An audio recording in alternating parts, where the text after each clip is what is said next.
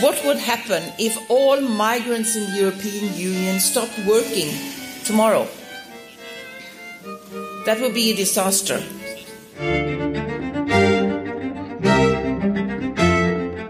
Welkom bij de podcast Waarom Europa?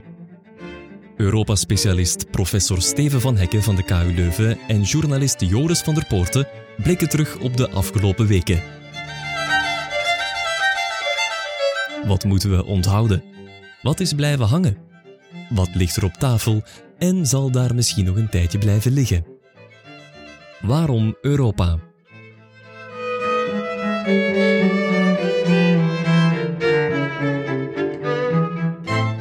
We hoorden in het begin van deze aflevering Eurocommissaris Ulva Johansson over migranten die bijdragen aan de Europese economie.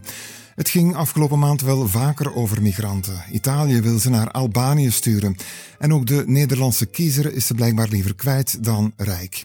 De commissie heeft afgelopen maand ook haar economische groeiprognoses bijgesteld en tikt onder meer België op de vingers voor zijn begroting. En uiteraard moeten we het ook in deze terugblik hebben over Oekraïne en de Gaza. Ik praat met Europa-specialist aan de KU Leuven, Steven van Hekken. En zoals steeds ook een gast, economieprofessor en Oost-Europa-kenner aan de Gentse Universiteit, Koen Schoors. Dag Steven, dag Koen. Dag Joris. Dag Joris. Ik zou ons eerste thema willen beginnen met een quote van commissievoorzitter von der Leyen. Today is a historic day because today the Commission recommends that the Council opens accession negotiations with Ukraine and with Moldova. The Commission also recommends the opening of EU accession negotiations with Bosnia and Herzegovina once the necessary degree of compliance with the membership criteria is achieved. And the Commission recommends that the Council grants Georgia the status of a candidate country on the understanding that certain reform steps are taken. De commissie beveelt dus aan om toetredingsonderhandelingen te openen met Oekraïne, Moldavië en Bosnië-Herzegovina.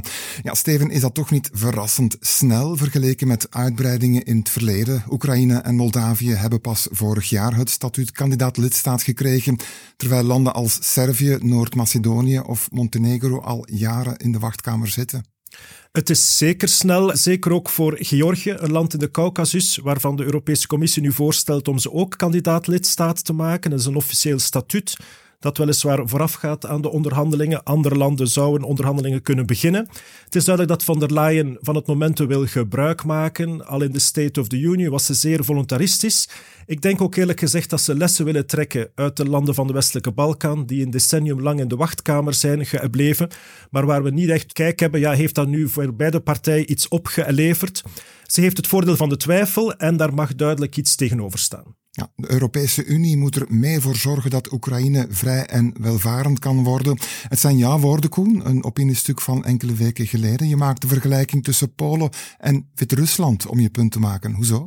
Wel, als je kijkt naar de geschiedenis, dan kan je zien dat uh, enerzijds wij heel graag klagen over Hongarije en Polen en vinden van, oké, als lid van de Europese Unie zijn ze niet zo geslaagd. Maar dan zeg ik altijd van, ja, maar oké, dat is niet de correcte vergelijking. De echte vergelijking is zoeken naar de counterfactual. Wat zou er gebeurd zijn met Polen, waren ze geen lid geworden van de Europese Unie? En dan is het vergelijkingspunt Wit-Rusland. Een land dat eigenlijk de, een gelijkaardige talen cultuur heeft, een, uh, landen die heel veel met elkaar handel dreven in het verleden, uh, die ooit een vroege grens hadden en die eigenlijk een totaal andere geschiedenis hebben gekend sedert het moment dat de muur is gevallen. Waar Polen vrij snel in de Europese orbit is terechtgekomen, dan een toetredingsproces heeft gedaan en Wit-Rusland meer en meer in de orbit van Rusland is gekomen. Initieel niet, maar uiteindelijk wel. En dan zie je enorme verschillen. De Europese Unie werkt voor Polen als een anker voor institutionele hervormingen. En we klagen wel over uh, vrije media, uh, we klagen over justitie die minder vrij zou zijn, maar vergelijk dan met Rusland en zit op een andere planeet. Dus je ziet dat de verschillen van de Europese Unie daar geweldig zijn. Uh, Polen heeft toegang tot de Europese markt, Polen heeft toegang tot Europese regionale steun, en in ruil daarvoor moet Polen een aantal dingen doen. En dan zie je uiteindelijk als resultaat dat de vrijheid in Polen, en vooral de welvaart, BB per capita, gewoon een ganz andere schaal. We spreken over meer dan een dubbel. Dus als je dan kijkt naar Oekraïne, oké, als je Oekraïne niet gaat helpen en niet langzaamaan in de orbit van de Europese Unie brengt, dan creëren een onstabiel uh, land dat waarschijnlijk zal reverteren naar autocratie, naar minder vrijheid, minder welvaart. En dan heb je een instabiele buur aan je oosten. En als je doet wat we met Polen hebben gedaan, krijg je op lange termijn een gezondere buur met verankerde instituties en een goede evolutie. Wat zijn de volgende stappen, Steven? De Europese Commissie heeft iets voorgesteld en nu is het eigenlijk aan de lidstaten om daarover te beslissen. Formeel is dat de Raad, maar in de feiten uh, komt dat op het bord van de staatshoofden en regeringsleiders die daar op een Europese top volgende maand in december uh, de knopen zullen moeten doorhakken. Ja, en terwijl die oorlog in Oekraïne verder voert, blijft ook dat andere conflicten aandacht eisen, het conflict tussen Israël en Hamas. We horen Charles Michel, de voorzitter van de Europese Raad, tijdens een internationale conferentie over humanitaire hulp voor burgers in de Gaza. Een conferentie enkele weken geleden in Parijs. Le Conseil européen soutient le droit d'Israël à se défendre, mais ça a été dit par beaucoup, je veux le dire avec force, il ne peut pas y avoir de double standard, ça veut donc dire que le droit de se défendre doit s'exercer en lien avec le droit international et le droit international humanitaire. Chaque vie compte. L'Union euh, européenne considère que la protection des civils doit être dans notre ADN Israël mag zich verdedigen, maar elk leven telt, zegt Michel. Intussen zijn ook al enkele konvooien met hulpgoederen naar Gints gestuurd. Vertolkt Michel nu de stem van de lidstaten, Steven, of zijn die toch nog verdeeld, zoals ook bleek tijdens de vergadering van de VN?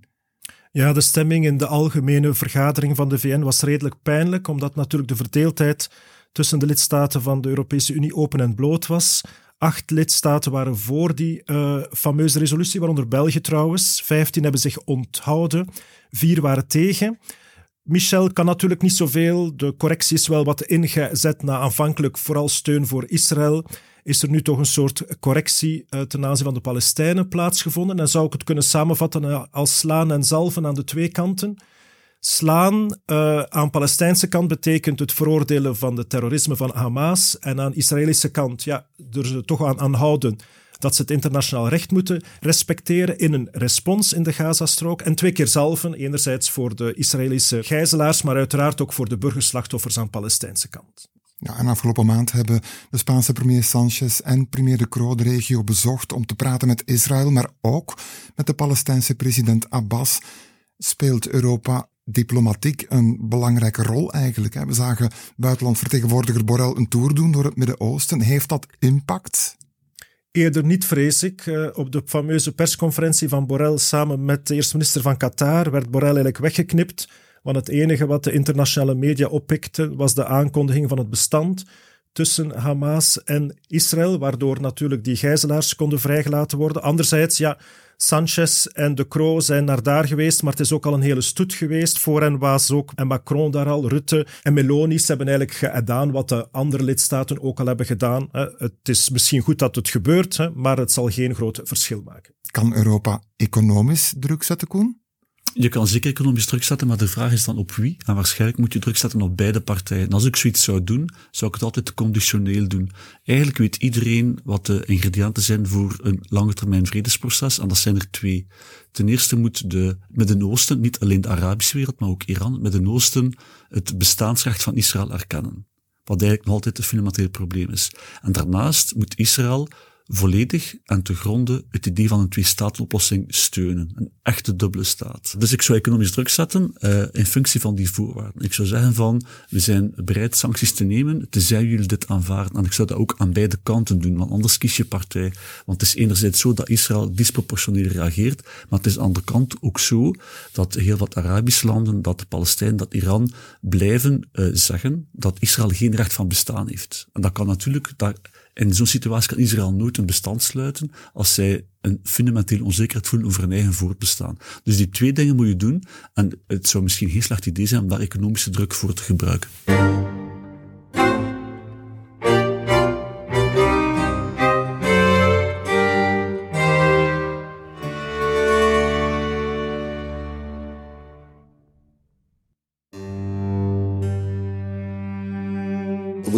Consider that uh, seven member states in the euro area are in line with our fiscal policy guidance Cyprus, Estonia, Greece, Ireland, Lithuania, Slovenia, and Spain.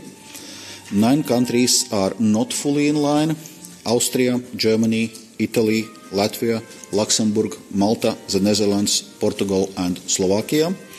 And the remaining four countries risk not being in line, namely Belgium, Croatia, Finland, and France. Uh, these countries need to make sure that their fiscal policies for uh, 2024 follow our recommendation. We houden Eurocommissaris voor Handel Dombrovskis de landen opsommen die voor volgend jaar een begrotingstekort riskeren dat groter is dan 3% van het BBP. Meer dus dan toegelaten is. En België is daarbij problematisch, Koen? Het is zeker problematisch en het wordt bovendien de komende decennia nog erger. Want als we niks doen, dan zal de kost van de vergrijzing nog 5% aan het tekort toevoegen. En gaan we dus van een rond de 5 4,95 naar iets van 10%. Dus het is heel duidelijk dat er iets moet gebeuren.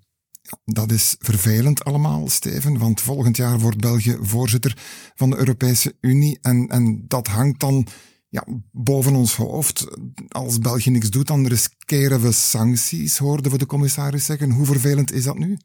Het is zeer vervelend, een beetje pijnlijk gênant zelfs, maar tegelijk voel ik aan Belgische kant geen sense of urgency. Ik denk niet dat er nu plots een extra begrotingscontrole gaat komen in de aanloop naar het voorzitterschap. Ik vrees dat men het zal laten passeren en hopen dat er weinigen de link leggen met het Belgisch raadsvoorzitterschap in de eerste helft van volgend jaar.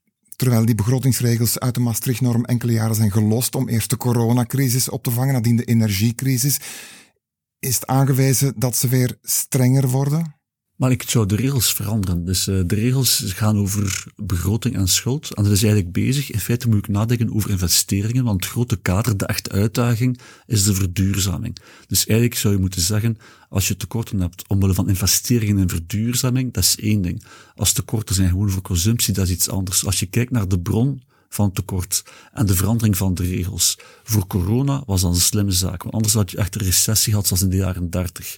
En daar is het goed gegaan. Voor de energiecrisis heeft België eigenlijk overdreven. We hebben te veel steun toegekend, we hebben te veel energiepremies toegekend, we hebben voor iedereen de BTW op het naar 6% verlaagd. Dat is ongerecht beleid en het is dat dat ons nu in een begrotingstekort duwt. Dus dat kunnen we bijsturen en dat gaan we moeten bijsturen. Ja, en terwijl de context natuurlijk bijzonder moeilijk is wat de groeivooruitzichten betreft. De commissie gaf afgelopen maand haar vooruitzichten. Eurocommissaris voor Economie Gentiloni.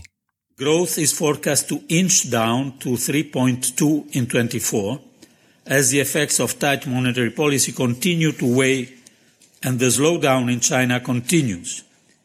and finally to pick up to 3.5 in 2025 as the recovery in advanced economy takes hold. But uh, as I said before, the average in the first two decades of the century was 3.8. Ja, het zal de komende jaren met 3,2 en 3,4 procent minder zijn dan in de periode 2000-2019. Toen was het gemiddeld 3,8 procent. Moeten we ons grote zorgen maken, Koen?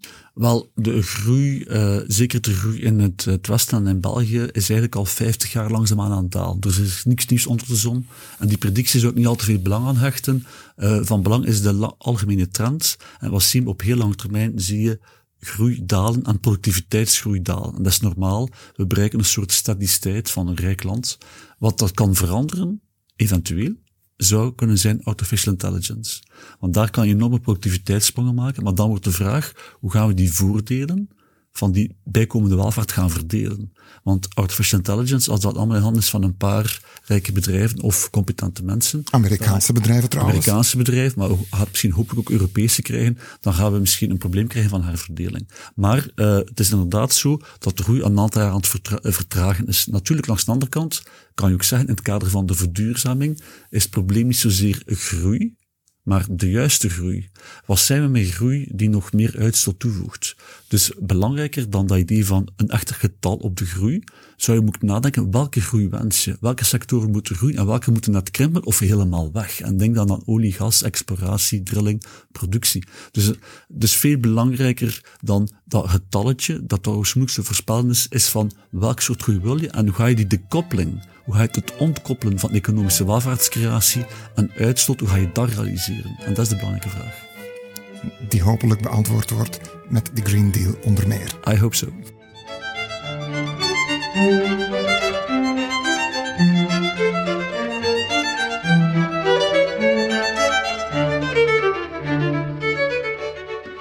Ja, We hebben het over economische groei en om groei te realiseren heb je volk nodig en dat heeft Europa niet meer of toch steeds minder, zegt ook de commissaris voor Binnenlandse Zaken Ilva Johansson. We need skilled people to support the green transition and the digital uh, revolution. And this need will only get worse as Europe grows older and older. The next seven years, Europe's working age population will drop by 1 million per year due to demography. De commissie heeft afgelopen maand een platform voorgesteld dat moet toelaten mee een antwoord te bieden op de krapte op de Europese arbeidsmarkt. Werkgevers kunnen via dat platform contact zoeken met werkzoekenden buiten de Europese Unie. Het moet legale arbeidsmigratie mogelijk maken. Steven, is dat een goed idee? Uitstekend, denk ik. Als we onze welvaart willen behouden, toch in dit deel van de Europese Unie, dan zullen we moeten beroep kunnen doen op massale legale arbeidsmigratie. Het uh, positief neveneffect is dat dat hopelijk ook het businessmodel kan doorbreken van de huidige illegale emigratiestromen, die niet alleen crimineel zijn, maar ook asociaal. Ze zijn gewoon niet fair. Uh, het is een soort ja, systeem dat eigenlijk niet compatibel is met wat we nodig hebben.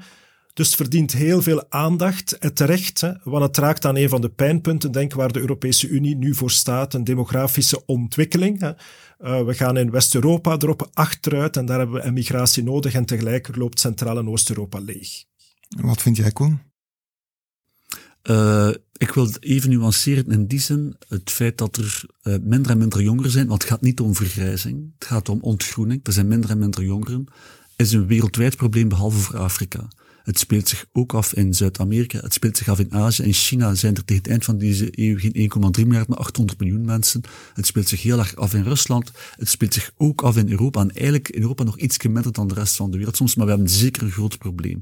En dus is dat een probleem? Ja, maar natuurlijk, we willen een stabiele wereldbevolking. En dus dat betekent dat je minder jonge mensen, minder kinderen, minder fertiliteit zou moeten hebben. Dus we gaan er sowieso moeten mee omgaan. En dan is migratie een oplossing? Voor een deel zeker wel. Maar natuurlijk, met migratie kan je maar mensen verplaatsen. En als de hele wereld een tekort heeft van jongeren, is de vraag van waar gaan ze komen? Misschien gaan ze naar ons komen, omdat bij ons de lonen hoger zijn, de welvaart hoger, maar dan gaan andere delen van de wereld het nog moeilijker hebben. Dus dat is een, een probleem. Ik vind persoonlijk wel dat we moeten heel erg inzetten op migratie, zoals de Europese Unie het voor heeft. En we moeten, als we denken over migratie, een twee-stromen-beleid hebben. Enerzijds heb je het probleem politieke vluchteling. En dat moet je blijven doen, want er zijn natuurlijk altijd regimes die mensen onderdrukken, daar moet je een kader voor hebben. En daarnaast is er economische migratie, en nu is dat, zoals Steven zei, een beetje chaos een beetje een ratje toe. Dan moet je gaan structureren, heel gericht mensen uitnodigen die je wil. En dan ook bij die mensen inzetten op integratie, uh, cultuur, normen, waarden. Dat die mensen hier ook welkom zijn. Uh, en dat ze zich welkom voelen. En als je die dingen doet, zal dat voor Europa natuurlijk een goede zaak zijn. Waar gaan die mensen vandaan komen? Die zullen voor uit Afrika komen. Want dat is het enige continent dat wel nog jongeren overschot zal hebben. En Afrika zal ook heel snel ontwikkelen. Ze hebben een handelsunie gemaakt. Je ziet de welvaart daar heel snel stijgen, maar daar zit nog de grote potentie. Maar goed, als Europa die naar hier wil halen, dan moet die wetgeving rondgeraken. Zie je dat deze legislatuur nog gebeuren, Steven? Het is alleszins zeer krap, want het voorstel komt rijkelijk laat. De echt onderhandelingen zullen ook op het bord van de Belgen komen tijdens het voorzitterschap in het begin van volgend jaar. Het is mogelijk, maar het zal zeer spannend worden, denk ik, om dat voor de verkiezingen nog rond te krijgen. Ja, en terwijl de commissie legale arbeidsmigratie mogelijk wil maken, zien we dat een land als Italië van zijn migranten af wil. Het heeft afgelopen maand een deal gesloten met Albanië om ze daar op te vangen in twee centra. In ruil steunt Italië de Albanese ambities om Europese lidstaat te worden. We horen Anita Hipper, een van de woordvoerders van de commissie.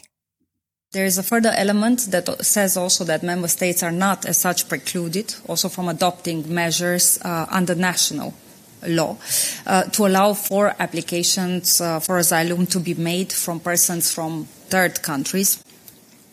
However, this must be done uh, without any prejudice to the full application of the uh, Union uh, asylum acquis, of course. So we are in contact with the Italian authorities, and uh, we were informed. We were informed about the announcement. Um, the details still need to follow. De commissie is met andere woorden nog aan het onderzoeken, maar sluit niet uit dat het kan. Hoe kijken jullie ernaar, Steven? Wel, de woordvoerster van de commissie was zeer diplomatisch, want iedereen was met verstomming geslagen. Niet alleen in Brussel, maar ook trouwens in Rome. De eigen minister van Buitenlandse Zaken wist van niks. Rama, de eerste minister van Albanië, was op bezoek bij Meloni. En plots kondigen ze dat aan. Ik ben redelijk sceptisch, want dat idee, hè, eigenlijk gaat het om triage aan de buitengrenzen van de Europese Unie, dateert al van 2017 dat het sindsdien niet is gebeurd. Daar zijn goede redenen voor, met name omdat de derde landen nooit wouden meewerken. Wie wil het vuile werk eigenlijk van de Europese Unie opknappen? Plots willen Albanië dat wel en is dus de vraag, wat zou Rama daarvoor in ruil hebben gekregen? Alleen steun voor de kandidatuur van Albanië van de Europese Unie, die had hij al. Enfin, het laatste woord is daar nog niet over gezegd, denk ik. Hoe zie jij dat, Koen? Wel, natuurlijk, uh, het is een interessante zaak, maar je kan het ook breder zien. Wij denken natuurlijk over migratie vrij gemakkelijk, maar als je aan het zuiden van Europa bent, Italië, Griekenland, Spanje, uh, dan natuurlijk heb je problemen die wij niet hebben. De mensen komen met bootjes over en ze komen in je land en ze komen in grote getalen. Dus ze hebben compleet andere uitdagingen. Uh, en dus dat zoiets wordt geprobeerd, vind ik niet verrassend. Dat lijkt heel erg op het akkoord dat we hebben gesloten met Turkije. Dus dan kan je gaan afvragen van, ja, is dat zo vreemd? We hebben dat al gedaan. We hebben dat gedaan met Turkije. Eh, het is geen ethische vraag voor mij, dus ik ga nu niet zeggen, ik vind dat ethisch goed of slecht. Maar de vraag is voor mij, is het haalbaar? En dan zie ik, ja, er is een precedent, Turkije. Dus volgens mij is dat misschien niet zo onhaalbaar als we nu denken. En over migratie gesproken, het thema heeft ook deze man aan een verkiezingsoverwinning geholpen. Nederland, de kiezer heeft vanavond gesproken. De kiezer heeft gezegd, we zijn het zat, we zijn het spuugzat en wij willen en daar gaan wij voor zorgen dat die Nederlander weer op één komt te staan. Dat was Geert Wilders op de verkiezingsavond. Toen bleek dat zijn partij, de extreemrechtse PVV, de grootste van Nederland is geworden met 37 kamerzetels op een totaal van 150. Ben je verrast, Koen? Uh, eerlijk gezegd wel, dat het zo'n omvang had. Het was wel duidelijk dat hij goed ging scoren, maar dat hij ging winnen. Met die uh, omvang was totaal niet voorzien, had ik ook niet verwacht. En een van de dingen die ik vrees, is dat een aantal structurele dingen wisten we wel. Nederland heeft heel lang heel hard ingezet op een soort uh, uh, rechtsbeleid, zou je kunnen zeggen. Maar ik denk ook arbeidsmarktrechtsbeleid, de nadruk op je moet het zelf doen, de nadruk op ZZP'ers, dus zelfstandigen zonder personeel. Heel veel mensen die in precaire omstandigheden op de arbeidsmarkt aanwezig waren, die door corona en dan de energiecrisis eigenlijk plots klappen hebben gekregen, niet goed verzekerd waren. Dus Nederland is heel erg verrechts, is heel erg gaan op verantwoordelijkheid. En een aantal mensen hebben zich buitengesloten voelt. Zeker als je aan de buitenkant, op de periferie zit. Dus een aantal regio's in Nederland, daar trekt de overheid zich terug puur rationeel, ah, die regio is te klein, dus daar gaan we het gerecht terughalen, daar gaan we een lokale administratie weghalen. En je ziet dus bepaalde gebieden eigenlijk leegbloeden en die mensen voelen zich alleen gelaten, voeg, daar het stikstofprobleem aan toe. Dus ik versta wel die frustratie. Wat ik helaas vrees, is dat er ook een stukje puur uh, racisme achter zit, want de naam van uh, de voorzitter van de grote concurrerende partij, de VVD, is natuurlijk een Turkse naam. En niemand durft dat uit te spreken, maar ik vrees dat er ook een pure racistische reflex is gebeurd en dat dan deel van wat er is gebeurd is verklaard. Wat betekent dit voor Europa, Steven? Op korte termijn eigenlijk niet zoveel. Ik verwacht eerder Mark Rutte hier nog eens op de eerstvolgende Europese top, want dan zal er nog wel geen nieuwe Nederlandse regering zijn. En gevoelt natuurlijk dat vele andere radicaal-rechtse partijen en vertrouwen tanken, dat ze hopen dat de wind in de zeilen blijft. Het valt af te wachten of er een nieuwe regering komt. Zo ja, welke rol de PVV daarin gaat spelen en of Geert Wilders die zal leiden. Maar als dat zover komt, zal dat wel een harde dobber zijn. Want dat betekent dat Geert Wilders eigenlijk mee aan de knoppen zit in het voorjaar van 2024 in de Europese Raad. Eh, en dan zijn we nog niet thuis, denk ik. Oké, bedankt voor dit gesprek, Steven van Hekken, Europa-specialist aan de KU Leuven en Koen Schoors, economieprofessor aan de UGent. En u, beste luisteraar, bedankt om deze podcast te beluisteren. In onze volgende aflevering blikken we terug op de maand december. Tot dan.